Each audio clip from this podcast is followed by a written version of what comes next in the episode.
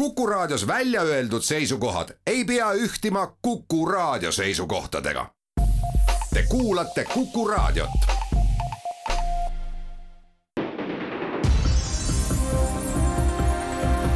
Susan Cain, mõrumagus, kuidas kurbus ja igatsus meid täiustavad. kirjastuselt Varrak head kuulajad, Kuku selle nädala raamatuks on meil tutvustada Susan Caini Mõrumagus, kuidas kurbus ja igatsus meid täiustavad. tundub selline hästi roosa pealkiri, tegelikult on Susan Cain päris põhjalik kirjutaja ja ma loodan, et nii-öelda selle raamatu tutvustusega saate ka enda jaoks kinnitust või kes ei saa kinnitust, saavad avatuna näha hoopis kummalist valdkonda millega võib olla igapäiselt vähem pistmist. aga selleks, et sellest raamatust ja selle taustadest läbi puurida, olen ma külla kutsunud Rita Rätsepa, kes on näitleja ja psühholoog, tere! tere! raamat ise on ilmunud originaalis kahe tuhande kahekümne teisel aastal ja tõlgitud eesti keelde ka üsna ruttu, ka sel aastal ja kirjastuse Varrak poolt välja antud. tuhande üheksasaja kuuekümne kaheksandal aastal sündinud ja hariduselt juristiks õppinud ja mõnda aega selles valdkonnas ka töötanud Susan Cain on kirjutanud äh, nii mõnegi raamatu inimese olemusest. Eesti keeles on varem olnud kättesaadav tema Vaikne jõud introverdina maailmas, mis ei lakka rääkimast ja selliste teemadega on ta stabiilselt tegutsenud ja olnud hinnatud autor, esineja ja nii on see ka selle raamatu puhul, kus ta avab inimese olemust üsna üllataval moel. igal juhul on ta näiteks sellist nii-öelda endasse pöördumist ja sellist omaette olekut oma teostes igatemoodi avanud. oma hariduselt on Kein üldsegi ju jurist kes on töötanud päris pikka aega või mõnda aega vähemalt, kuni tal juuratööst nii-öelda kõrini sai ja hakkas ta avama inimeste olemust ühel ja teisel moel ja on väga populaarne kirjutaja siiamaani. Kusjuures see ei ole üldse mitte tavapäratu, et sellised reaalmaailmas olevad inimesed pöörduvad mingisugusel hetkel äh, sissepoole ja hakkavad seda asja nagu, seda elu vaatama natuke teise nurga alt, kui nad äh, siiamaani olid vaadanud igal juhul on ka tema nii-öelda viited päris huvitavad, ta jõuab isegi ühe Eesti soost neurobioloogini vist. jaa, Pankseppani, ma ka üllatusega lugesin. ma üllatusin täpselt sama asjaga, et ta, kusjuures Panksepp ise vist on äh, juba mõned aastad tagasi lahkunud, aga nii-öelda tema tööd, mis puudutavad inimkäitumist, on olnud siis ka Keini ühel või teisel moel innustavad. aga see oli hästi positiivne üllatus, kui ma seda lugesin, siis ma lugesin teist korda veel üle ja siis selline rahvuslik uhkus minu seest ärkas. ja kuigi Panksepp, Panksepp ise on, Panksepp ise on ju ütleme küll Eestis sündinud, aga üsna, üsna ikkagi eestlane. ikkagi eestlane jah, selles mõttes see nagu, see nagu omapärane asi jah, aga nüüd Keini juurde juurde tulles, äh, siis tema defineerib selle mõru magususe, mis noh, tundub olevat väga selline, väga selline ju emotsionaalne termin ikkagi suhteliselt täpselt ära ja kirjeldab äh, üsna erineval moel, mille tõttu seda ongi põnev lugeda, äh, seda, kuidas selline habras olek, ebakindel olek on tegelikult inimeste jaoks üks oluline, fundamentaalne omadus, ennekõike kas või selle tõttu, et mille ümber tema jutud ju käivad, sellesama fenomeni ümber, et kui inimene näeb kedagi kannatamas, siis ta elab seda üle. No ta toob selle tegelikult seal väga ilusti välja, et kannatus ja see kurbus on äh, võib-olla ühed ainumaad äh, sellised meid puudutavad tunded, kus kõik tegelikult saavad puudutatud. et, et see on kummaline, et väga paljud muud tunded meid, meid ei puuduta, aga, aga just nimelt kannatuse nägemine ja sellise, selle tajumine ja kurbuse nägemine ja tajumine meid siiski kõiki puudutab kas inimene ilma kurbust tajumata nagu terviklikuks ei kujunegi, et kui sa oma psühholoogi kogemusega vaatad inimese mõnd probleemi mida ju tõenäoliselt kurdetakse sulle mitte harva, siis äh, kas äh, juureldes asja üle võid sa öelda, oh noh, loomulikult teil ei olegi ju olnud võimalust kogeda seda õiget kurbust, ja on see lahendus mõnele probleemile.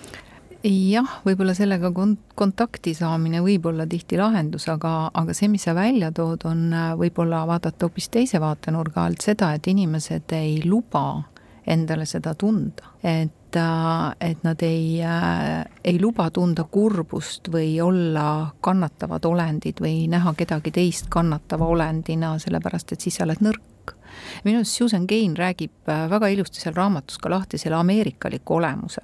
selline sangviinik ja koleerik ja, ja sellise mõttelaadiga olemine on hästi selline. naeratage kõigile, olge aktiivne. just, just vaadake positiivselt, mõtle positiivselt, et, et võib-olla sellist äh, mõttelaadi on ju mingisugusel perioodil tuli ju väga palju sisse ja, ja, ja väga paljud inimesed, kui nad ei saa kontakti oma sisemise kannatajaks olemise või kurbusega, Äh, ei mõista nad ka teisi ja teisipidi jälle äh, on ka väga paljud sellises ohvrirollis, et nad ongi kogu maailma valu suured kandjad.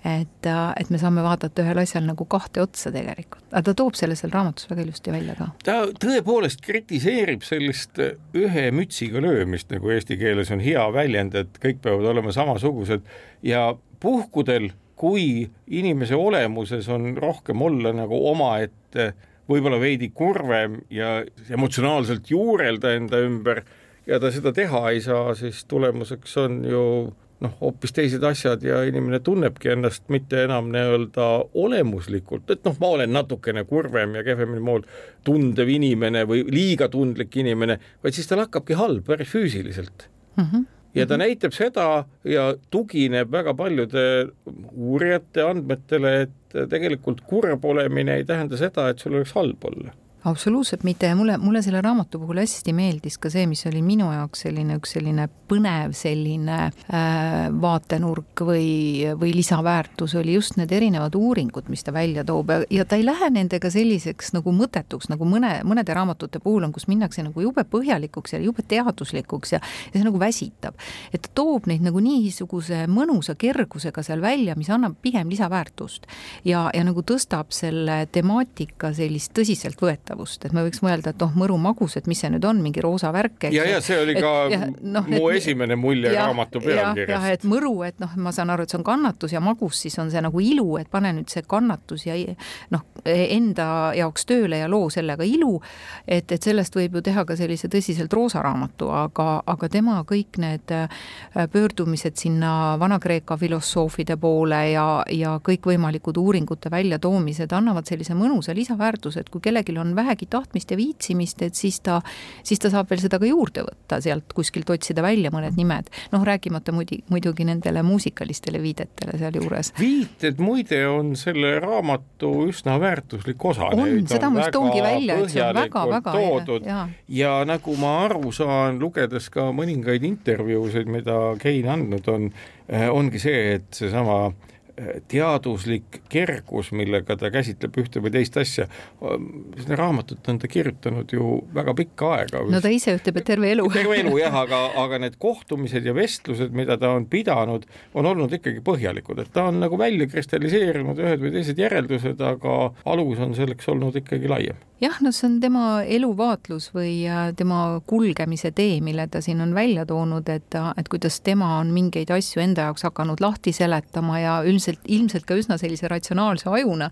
Ta on osanud seda asja ka natuke teistmoodi vaadata mingil hetkel ja sellepärast ta oskab seda ka võib-olla väga hästi väljendada ja ta on ju TEDxil esinenud ja, ja, ja räägib seda väga paljudes loengutes üle maailma ja ta on kindlasti, ma ei ole vaadanud, tõtt peaks isegi vaatama, et ta, et kuidas ta esineb, mulle, mulle tundub, et ta on väga hea jutuga ka esinejana, mitte ainult kirjutajana. aga edasi räägime oma saate järgmises osas sellest teemast head kuulajad, Kuku selle nädala raamat, Susan Caini kirjutatud Mõrumagus, kuidas igatsus ja kurbus meid täiustavad Marraku kirjastuselt sel aastal välja antud, tõlkinud Liisa Koppelmaa ja mina, Marek Strandberg, saatejuht koos Rita Rätsepaga, kes on näitleja ja psühholoog ja seda raamatut ka tudeerinud ja oskab selle taustu paremini lahti rääkida, selle raamatu tutvustamisega sel nädalal ka tegeleme. üks asi, mis äh, mul seda lugedes ja nagu ka laiemalt mõeldes ju, teades ka, et sa tuled saatesse, teades, et sind on näitlejaks koolitatud. kui palju näitlejal on vaja oskusi lasta sellel samal kurbusel ja igatsusel, mõrudel ja magusal endast läbi minna, et olla tõepärane ja teiste inimeste poolt vastuvõetav ja et see emotsioon, mis näitlejal on, olgu ta siis mida iganes puudub, tõsine või koomiline, traagiline või milline tahes, et see emotsioon vastu võetakse no ma arvan, et ilma selleta ei saaks ükski näitleja. ma olen selles kuidagi väga sügavalt veendunud, et äh, see kontakt iseendaga, oma tunnetega, see teatud selline äh, see kurbuse melanhoolia või selle, selle tajumine on tundlikkuse näitaja minu jaoks, et ta nii nagu Susan Cain seal raamatus ka ütleb, et masendunud äh, muusik või, või äh,, või loominguline inimene ei saa kirjutada teoseid või, või esitada neid, aga, aga sellise tundliku meelelaadiga inimene teeb seda väga hästi. Ja ta laseb selle info enda seest läbi, mida ta näiteks, kui mingit karakterit luues, et äh, kui sa õpid ainult pähe need sõnad, mida ta nii-öelda ütleb, mida me loeme siis kuskilt rolliraamatust, tajumata, mis seal taga on, tajumata, laskmata läbi seda, mida see sinu kujuteldatav või sinu esitletav roll peaks tundma või kogema, et kui sul ei ole enda sees seda empaatiavõimet, seda võimet äh, tajuda teiste inimeste võimalikke tundeid, siis ma arvan, et äh, see tulemus on üsna kehva rolli, rollina. et hea näitleja või õigemini kui vaataja, vaadates mingit etendust, tunneb sellist sama asja, et suudab samastuda. suudab samastuda või tal tõusevad ihukarvad heas mõttes püsti või tekib kananahk, et siis on näitleja olnud puudutanud teda, et ta on viinud ta ühele ja samale lainele et, et see, äh, et mul ei teki küsimust, miks see inimene seda või teist asja laval teeb, ükskõik, on see näitleja, on see muusik või, või kasvõi ka kunstnik, eks. et, äh, et, et mul ei teki ühtegi küsimust, miks ta seda teeb vaid see, mida ta teeb, haarab mind niimoodi kaasa, et ühel hetkel ma suudan minna temaga samale lainele, tunda neid samu tundeid. Kindlasti mitte täpselt samamoodi, me oleme niivõrd palju erinevad, aga ta puudutab midagi minus. no tavainimene loeb üsna vähe näitendeid, mina olen pidanud mõningaid lugema, kasvõi sellesama raamatu tutvustuse kontekstis. koolipõlves lugesin oluliselt rohkem näidendeid ja siis ma tabasin, et või õpetas kirjandusõpetaja seda, et no näidendit tuleb lugeda natukene teistmoodi. sa pead samastuma tegelastega ja selle dialoogi enda peas käima panema ja kui see õnnestub lõpuks, noh, vanemas eas, kui pole pikka aega lugenud näidendeid, mis kogemus mul ka oli siin hiljaaegu, et no siis see on nagu vana tüüpi auto käivitamine, et no ei lähe, ei lähe, aga siis, kui läheb, siis ta toimub nagu täiesti õigesti, et, et see on sama asi, ütleme seda soolikat ei ole, mis võimaldab rööbiti sul teadvuses toimida nii mõrudel kui magusal kui kurbusel kui muul, et siis nagu ei õnnestugi neid ent lugeda või? no ma ei ütleks nüüd nii, et ei õnnestuks lugeda, siis sa loed seda lihtsalt nii, nagu sa loed. aga, aga kui sul on see tund-. naudingut pakkuvalt pean silmas no igaüks saab ka selle naudingu erinevalt, eks. et, et ma, ma ei paneks ikkagi ka mingisse samasse patta kogu seda asja, et tema saab sellise elamuse nagu teine, noh, üks saab nii, teine naa, et see ei ole nagu võrreldav, ma ei tahaks nagu võrrelda. aga, aga võib-olla kui sa küsid minu käest nagu näitleja kontekstis, siis, äh, siis ma arvan, et see tundlikkuse aste peaks olema natuke teistsugune. et, et see, kuidas hakkab see sinu kehastatav roll nagu elama et loomulikult see sünnib koostöös lavapartneritega, koostöös lavastajaga, lõpuks hakkab seal ka kostüüm ja muusika ja kõik muu hakkab mängima ja ta loob selle terviku seal aga mm, jah, ma usun, et näitleja loeb seda teistmoodi kui tavainimene, ma arvan. ja erineval ajal, erineval moel. Kusjuures tead, kui huvitav on see erineval ajal, erineval moel, et sa selle siia sisse tõid, et ma lugesin sedasama raamatut Mõru magus, ma olen seda tänaseks päevaks lugenud kaks korda. see on üllatav, kahe kuu jooksul kaks korda ühte raamatut lugeda ja ma lugesin teda juuni lõpus, äh, kuskil juuli alguses, kuna Varrak palus mul raamatuklubi jaoks seda lugeda ja, ja natuke seda kommenteerida ja ma lugesin äh, nii-öelda äh, puhkuse alguses ilusa ilmaga, kõik oli kuidagi teistmoodi ja, ja, ja noh. ma oletan, et ühtegi sellist impulssi, mida siin raamatus kirjeldate, ei olnud? ei olnud, absoluutselt ei olnud. kõik luges, oli hästi, kõik oli liiga hästi. kõik oli väga hästi, puhkus algamas ja tore raamat lugeda ja loen ja loen ja siis vastan oma küsimused ära ja mõtlen kaasa ja pani mõtlema ja tundus huvitav ja kõik oli nagu hästi. ja nüüd, kui sa, sa palusid mul siia saatesse tulla, siis ma võtsin selle raamatu uuesti ette, et noh, sirvin ta nagu ära läbi uuesti ja ma jäin ja jäin teda lugema ja ma lugesin ta täiesti nagu noh, muidugi tuli meelde väga paljut, eks ju, aga ma tajusin hoopis teistsugust meelelaadi, kui sa loed, kui hakkab tulema juba sügis, kui väljas on juba tegelikult natukene pime, et sa paned toas tule põlema ja sa loed, et kuidagi see meeleolu hakkas minus niimoodi mängima, et ma täiesti mõnulesin selle raamatuga. hoopis teistsugune meeleolu oli, et vaata kui kummaline, kuidas see ümbritsev mõjutab raamatu lugemist. mul oli see täiesti uskumatu kogemus. see tekst tõepoolest ei ole, kuidas nüüd öelda, definitiivne, ehk et ta ei ütle, kuidas on, et asi niimoodi, see jaguneb punktideks esimene, teine, kolmas, need omakorda sellisteks asjadeks, ehk et veel kord see see viis, millisel moel väga arvukalt äh, kõikvõimalikke ju teaduslikke uuringuid ja tähelepanekuid inimesteni tuua, on äh, ütleme, tähelepanuväärne. on küll jah, see hakkas mulle kohe silma ka, et see tõesti, selles on mingi teatud kergus ja, ja informatiivsus ja samas see ei koorma mind ja samas ta kuidagi nagu annab mulle tõesti lisaväärtuse, et see, see on uskumatu, ma ei ole ja kes tahab puurida ja Palun uurida, on lisa, mis hõlmab enda all kümneid ja kümneid lehekülgi kõikide viidetega ja, ja nii on aga edasi räägimegi juba oma järgmises saate osas. Head kuulajad, Kuku selle nädala raamat Susan Cane'i Mõru magus, kirjutatud sel aastal Liisa Koppelmaa poolt eesti keelde sel aastal tõlgitud ja kirjastuse Varrak poolt sel aastal välja antud. mina saatejuht Marek Strandberg, Rita Rätsep, aga näitleja ja psühholoogiga sellest raamatust räägimegi. aspekte on päris mitmeid, mida käsitleda saab, kõike me ei saagi ära käsitleda, aga ei peagi. üks omapärane valdkond, mis puudutab loovust, sellest natuke oli juttu. Ja loomingulisust ja seda, kui loomevõimeline keegi on. üsna ütleme natukene koledal moel üles ehitatud inimkatsed, aga väga tulemuslikud, mis puudutasid seda, kes on loomingulisem.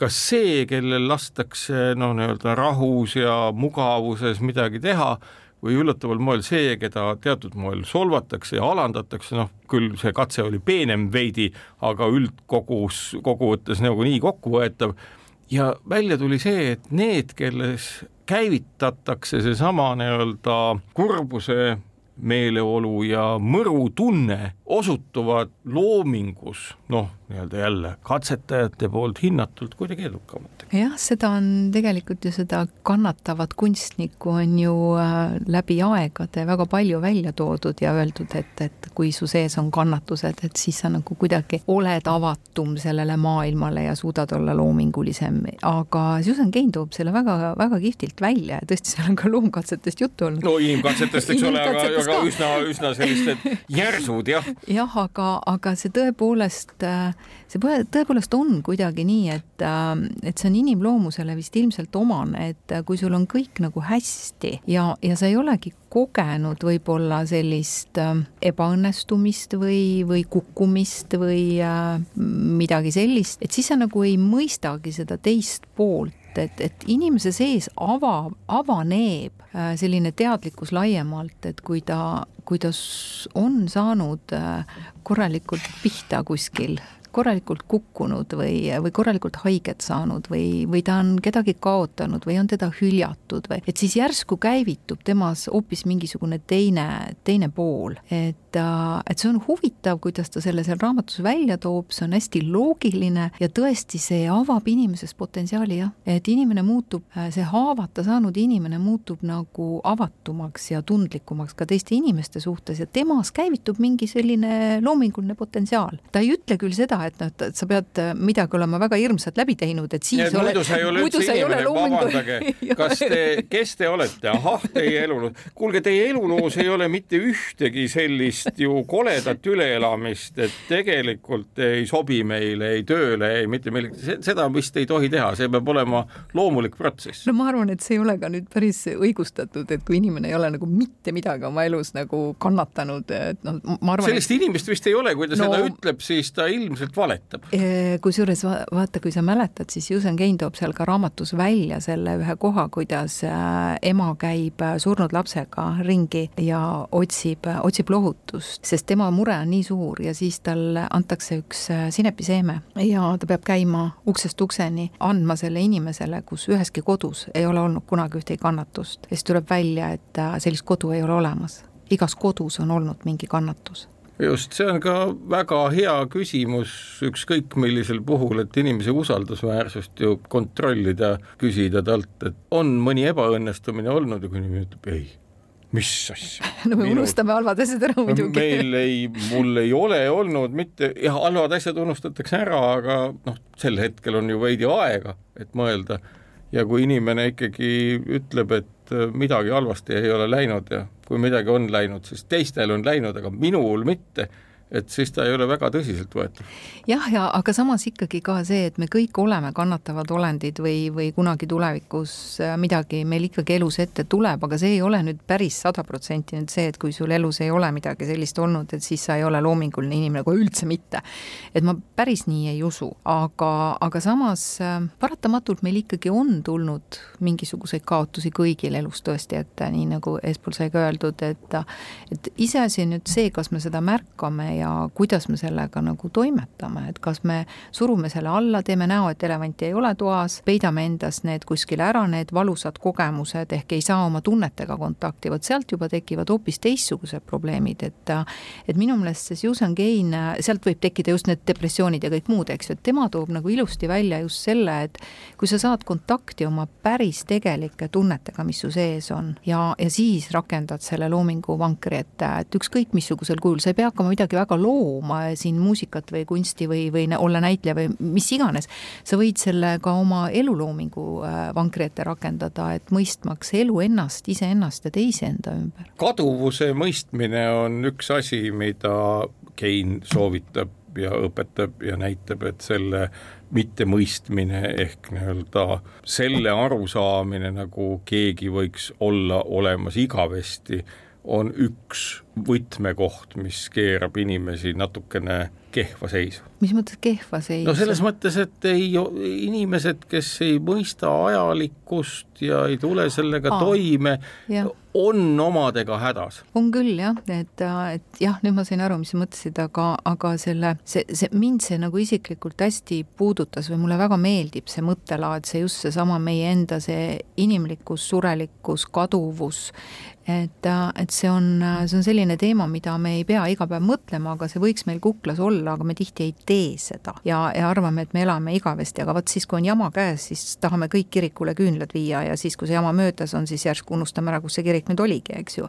et inimesed ärkavad äh, oma see, see mõttelaad või see tunnetus ärkab nende sees siis, kui on mingi tõsisem haigus äh,, midagi väga-väga tõsist nende elus juhtunud, siis äh,. see võiks olla ju olemas inimeses enne. no aga ei võiks... ole, ei ole, no ühest küljest võib-olla see on normaalne, et me ei pea selle peale kogu aeg mõtlema, aga see teadlikkus võiks olemas olla. kust see teadlikkus tulla võiks, see võiks tulla kooliajast, kuidas ta saab tulla kooliajast, mida no. peaks koolis õpetama, näitlemist ma ei tea, kas need asjad võiks kokku panna siin, aga, aga. no näitlemine, ütleme minusuguse jaoks, kui võime kehastada kedagi, kes sa ei ole tekstide alusel, mida sa ei ole kirjutanud, noh nagu mõnes mõttes inimese olemuski on ju ära määratud mitte millegi muu poolest kui meie aju ehituse ja toimimisega. absoluutselt, selles, selles mõttes on jälle ka äh, päris huvitav nüanss sul, et, et vot lapsed ju käivad näiteringides ja, ja kirjandusõpetajad teevad ju äh, kõikvõimalikeks üritusteks ju näitemänge lastega, et sa saad tõesti kehastada kedagi teist, kes, kes sa ei ole, näiteks ma ise, äh, kui ma koolipsühholoogina töötasin, siis ma kasutasin päris palju VAT-teatri seltskonna Foorum teatrit, mis on väga hea abi abivahend äh, kõikvõimalike koolikiusamiste ja selliste probleemide lahendamisel. et lapsed saavad näiteks võtta selle kiusaja või kiusatava rolli seal selles Foorum teatris, et Jokker on seal, kes seda siis juhendab, seda mängu ja sa saad läbi teha selle, et mida see teine inimene tunneb, et ja, ja sa saad, kõigepealt mängitakse see etendus ette ja siis võib igaüks lastest tulla ja võtta kellegi rolli ja mängida see läbi. Ja see etendus võib muutuda hoopis teistsuguseks ja see on väga teraapiline kusjuures iseenesest võiks näitlemine olla nagu paljud muudki asjad klassikalises mõttes koolihariduse osaks. see, see on üllatav, et alguses, kui sa seda ütlesid, siis ma mõtlesin, et oota, millest sa räägid ja praegu me jõuame mõlemad selleni, et võiks küll. aga räägime edasi juba saate järgmises osas head kuulajad, Kuku nädalaraamatuks Susan Keimi Mõrumagus kirjutatud sel aastal inglise keelest eesti keelde tõlgitud sel aastal Liisa Koppelmaa poolt kirjastuses Marrak välja antud. mina, Marek Strandberg, saatejuht, räägin Rita Rätsepaga, kes on näitleja ja psühholoog, selle raamatu taustadest ja jõuan järgmise kohani, no me inimest evolutsioonis oleme harjunud pidama selliseks teistsuguseks muudest loomadest, noh ilmselt me olemegi. pikka aega oleme arvanud, arvanud, et noh, me oleme vägevamad ja ma ei tea, targemad ja teadmata, mida see tegelikult tähendab. nüüd seda lugedes ja natukene ka meenutades, mida meile on kõneletud evolutsioonist ja inimese omapärast, koorub välja üks asi, mille osas tahaks sinuga ka vestelda ja nimelt see, et ega inimest eristab võib-olla paljudest teistest loomadest, üks oluline asi, võime teha koostööd. noh, me tavaliselt sätime selle võime selliseks immanentseks, me ei, ei ütle, et millest see tuleneb.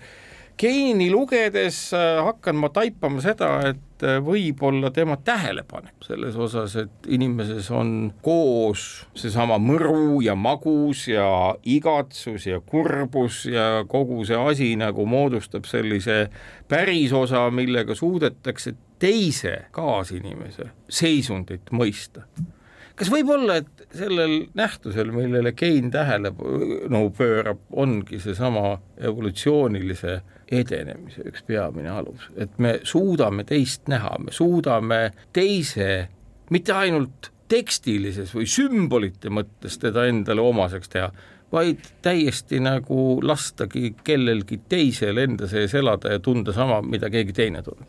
jaa see võib olla nii. Äh, mulle endale hästi meeldis see, kuidas ta Darwinit ja darwinismi seal käsitleb iseenesest.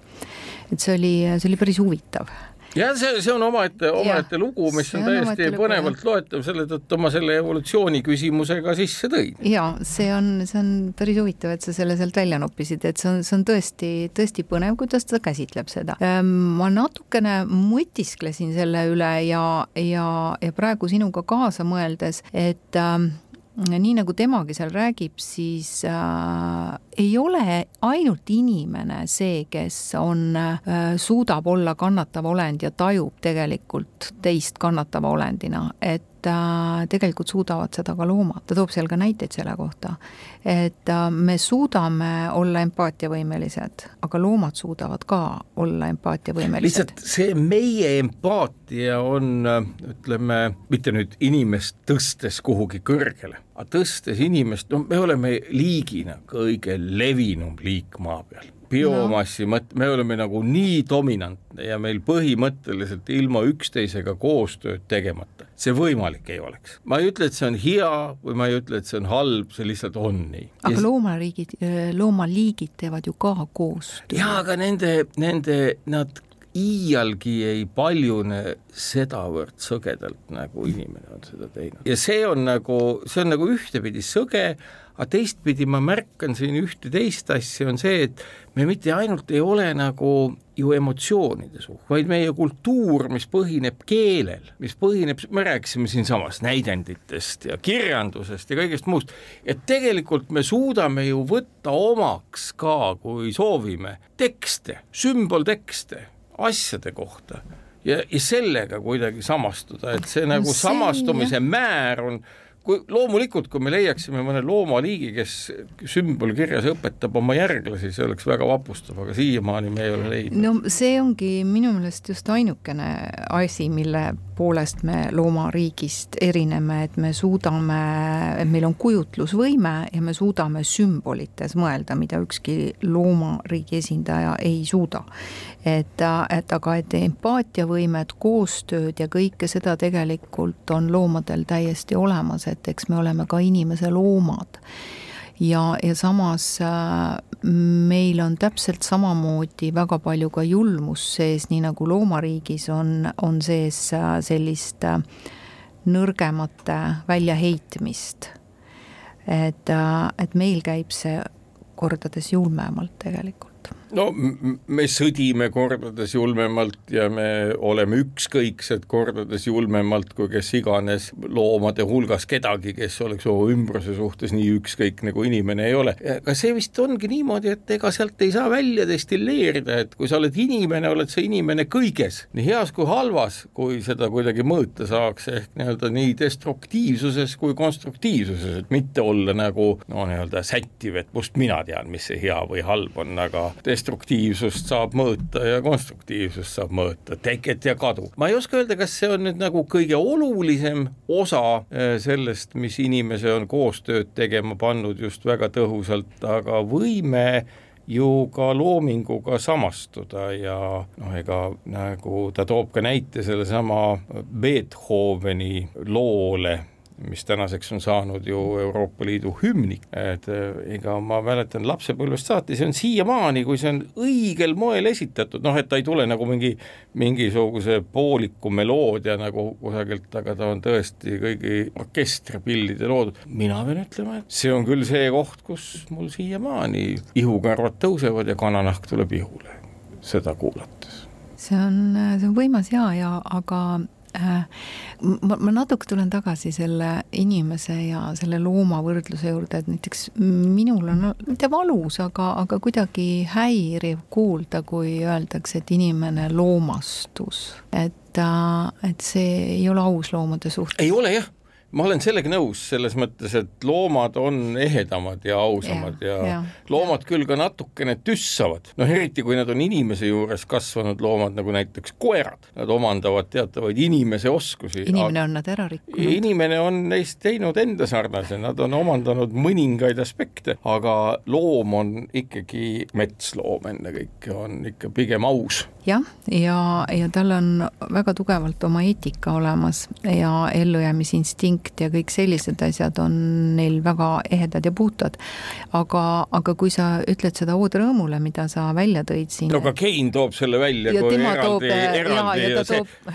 see oli see koht, kus ma tundsin samastumist. noh, see puudutas sind, see vallandus sinust mingi päästiku, sest sul on sellega kogemus, et kui sul kogemust ei oleks, siis ta ei oleks vallandanud, näiteks minul jälle vallandas äh, nii-öelda päästiku äh, Leonard Cohen, keda, keda jälle mina olen väga palju kuulanud, et, et omal ajal, kui mul oli autol oli kassettmagnot, magnetofon, kust tuli kassett sisse panna, vanasti oli autodel sellised autoraadiod, siis mul olid mõlemad pooled olid Leonard Cohenit täis ja, ja kui ma sõitsin Viljandisse ja tagasi, siis ma kuulasin ainult Cohenit, et, et ma, ma, ma ei, ma, minul jälle oli see, et mul ükskõik missugust muusikalist pala ta välja ei toonud, mul tegelikult juba kuklast tuli, et ah, ma tean seda lugu, ah, ma tean seda lugu. aga mis ma tahtsin äh, sulle veel siia öelda, et, äh, et sinuga kaasa rääkides seda, seda, seda kuulamist, et kui sina kuulasid seda Beethovenit ja sinus tekkis see kananahk tuleb ihule ja kõik selline tunne, siis. see on lapsepõlvest peale olnud. jaa, see ongi võimas, eks, aga aga eks meid puudutavad erinevad asjad, aga, aga on ka mingid üld, üld sellised äh, üldlevinud võib-olla mingid muusikapalad, mis meid oma selles sügavas kurbuses ja selles sügavas ilus ja selle sees on teatud kannatus, puudutavad. aga usu mind, et on olemas ja on tehtud ka katseid, et ka loomad tegelikult kuulavad neid ja tunnevad neid samu tundeid. aga edasi räägimegi oma järgmises saate osas neist asjust head kuulajad, Kuku nädala raamat, Susan Cain'i kirjutatud Mõru magus, Liisa Koppelmaa tõlgitud sel aastal, nii originaal kui tõlge sel aastal valmis saanud, Varrakus välja antud. Ja mina, Marek Sandberg, saatejuht, räägin Rita Rätsepaga, näitleja ja psühholoogiga selle raamatu tagamaadest ja seonduvast. see Cohen'i näide, mis eelmises saate osas oli, see on tähelepanuväärne, sellepärast et äh, ka Kein, kui nüüd õigesti meeles on, ju kirjeldab seda, kuidas Cohen'i mälestuskontserdile oli ta läinud noh, kõhklevana, et no kuidas küll keegi teine esitab midagi samasugust ja noh, see ei ole nagu päris asi, et äh, noh, mälestuskontsert, et umbes nagu hoiak ette, et no pigem tahavad seal teised näidata ennast, et noh, nad olid ka mingid tegelased. Ja see elamus, mida ta siis kirjeldab, kuidas kontserdil sama asja mängides tuli see inimene, keda mälestati uuesti oma kõikides nüanssides nende ette, see oli üsna võimas kirjeldus. oli, seal saalis ma mäletan, vist oli, mis ta ütles, seitseteist tuhat inimest või palju seal oli, et see oli mingi mega, mega arv, kes olid äh, Cohen'i austajad ja olid kohale tulnud. aga see, mida ta kirjeldas seal, ei olnud kõikide esitajate puhul, vaid üks konkreetne esitaja. just aga tekitas temas selle tohutu tunde, et, et see sõit Ameerikast tasus ennast ära et, et kõik see. aga tõenäoliselt seal seitsmeteistkümne tuhande hulgas oli teisi, kellel tekitas te, kellegi teise samasugune asi ja, ja selles mõttes see nagu näitabki seda, et, et lihtne kopeerimine loomingu puhul ei õnnestu põhimõtteliselt kunagi, et see peab ehe olema et kui sul ei ole ehedust, kui sul ei ole seda läbitunnetust, siis, siis sa lihtsalt äh, reprodutseerid. noh, kui sa lihtsalt võtad ühe Cohen'i loo, esitad selle ära, sest et võib-olla sulle see lihtsalt meeldib või tuleb sul hästi välja või, või mis iganes põhjusel sa seda võtad, siis see on lihtsalt hea esitus võib-olla, noh, loodame, et see on hea esitus. aga kui sa võtad selle loo, mis sind puudutab, ja sa suudad seda ise läbi elada, et sa ei, elu sees ei laula niimoodi, nagu laulis Cohen, sest see on tema lugu. ja, ja aga sa leiad sealt midagi, mis on ka sinu lugu, ehk sa paned sinna oma loo. vot siis tegelikkuses puudutas see, kes iganes seda seal ette kandis, Cohen'i laulu äh, läbi enda läbielamiste, läbi kogemiste, et see oli tegelikult ikkagi natuke muutunud, et ma tooks siia võib-olla sisse Amy Winehouse'i, keda mul ei õnnestunudki muide kontserdil näha, ma olin North Sea Jazz Festivalil ja ta oli peaesineja ja ta ei tulnud kohale nii et Markus Miller pidi kaks kontserti järjest andma ja, ja üsna ja see inimene oli kindlasti inimene, kes moel või teisel ju kannatas ja elas maailmavalu endast läbi. absoluutselt ja, ja, ja, ja üsna ruttu pärast seda kontserti ta tegelikult ka suri. ja, ja, ja minu jaoks oli täielik õudus see, kuidas ma vaatasin Amy Winehouse'i filmi, kuidas sunnitakse inimest läbi elama kõiki neid tundeid, et sa oled, sa oled selles tohutus valus kirjutanud mingi loo. Ja iga kord, kui sa hakkad seda uuesti laulma, sa elad seda läbi.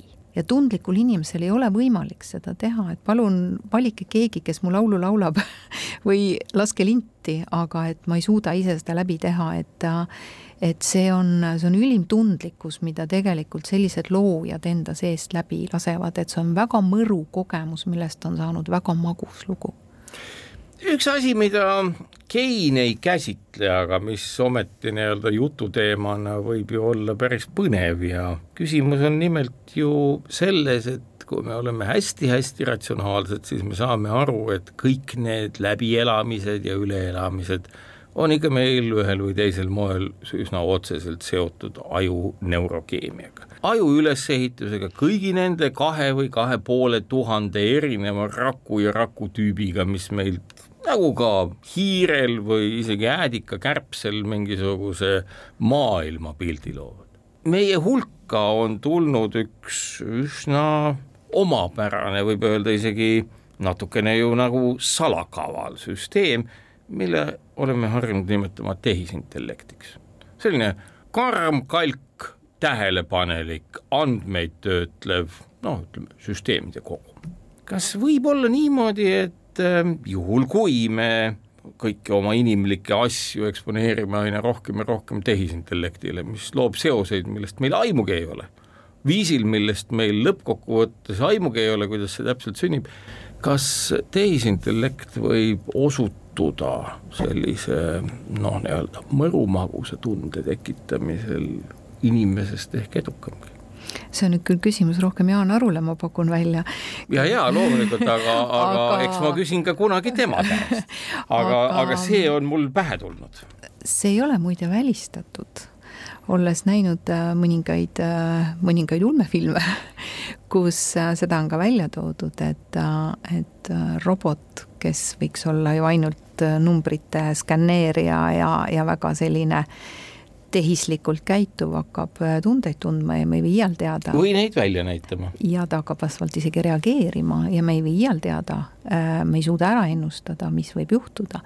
nii et äh, ei tea, ei tea ei kujuta ette, et ühel hetkel, aga samas, kui öeldakse, et robotid võtavad maailma üle nagu, nagu siin. no tavaliselt kujutatakse ette, et noh, nagu mingid orjapidajad või mingeid käske jagades, aga see võib toimuda ka emotsionaalselt. võib, aga mina olen mõelnud seda hoopis sellise vaatenurga alt, et me oleme ise muutunud inimrobotiteks, et me ei ole kontaktis oma tunnetega äh, me käitume automatismi pealt selle pealt, mida ühiskond meilt ootab, mida me eeldame, et meilt oodatakse. me ei mõtle läbi tihti, mida me teeme ja tegelikkuses võib olla hoopis see, et me ise olemegi need robotid. üks tõsisem kirjeldus, mis ta toob, on loomulikult see, kus ta mainib, et äh, ega ka lähedussuhetes me kopeerime väga palju sellist etteantud, kuidas peab olema. Ja et see on väga sageli lähedussuhete lõppemise ja untsumineku põhjusiks, et me võtame liiga palju klišeesid kasutusse, et ka nendes asjades peaks olema tunduvalt ambivalentsem, vabam, mitte muus mõttes kui just selles mõttes, et ka nendes suhetes on põhjust kogeda kõike ja olla ise edasi, mitte arvata, et nii-öelda mingisugune väljamõeldud standard, kuidas peab olema meid päästaks.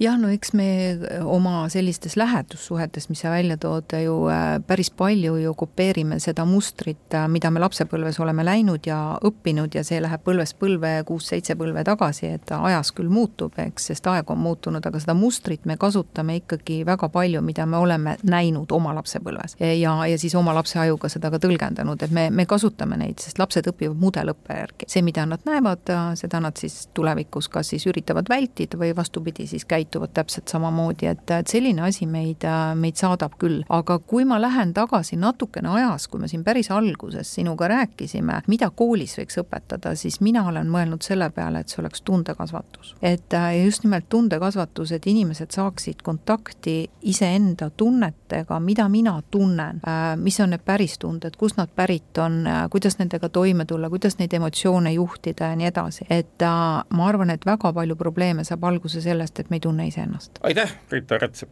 tulemast lahti rääkima taustu, mis seotud Keini Mõru magusa raamatuga. sellega on raamatu tutvustus ka läbi. ma loodan, et me saime anda teile aimu, noh, kuna kõiki osi me ei saanud siin loomulikult käsitleda ja aega selleks on napilt aga et me saime anda teile aimu sellest, millest Susan Cain kirjutab ja see on tõesti lugemist väärt, mõttes just, mida sa Ritaga lõpuks ütlesid, et tundekasvatus on see, mis võiks olla meie koolihariduse osaks. head lugemist ja kaunist päeva teile! Susan Cain, Mõru magus, kuidas kurbus ja igatsus meid täiustavad. kirjastuselt Varrak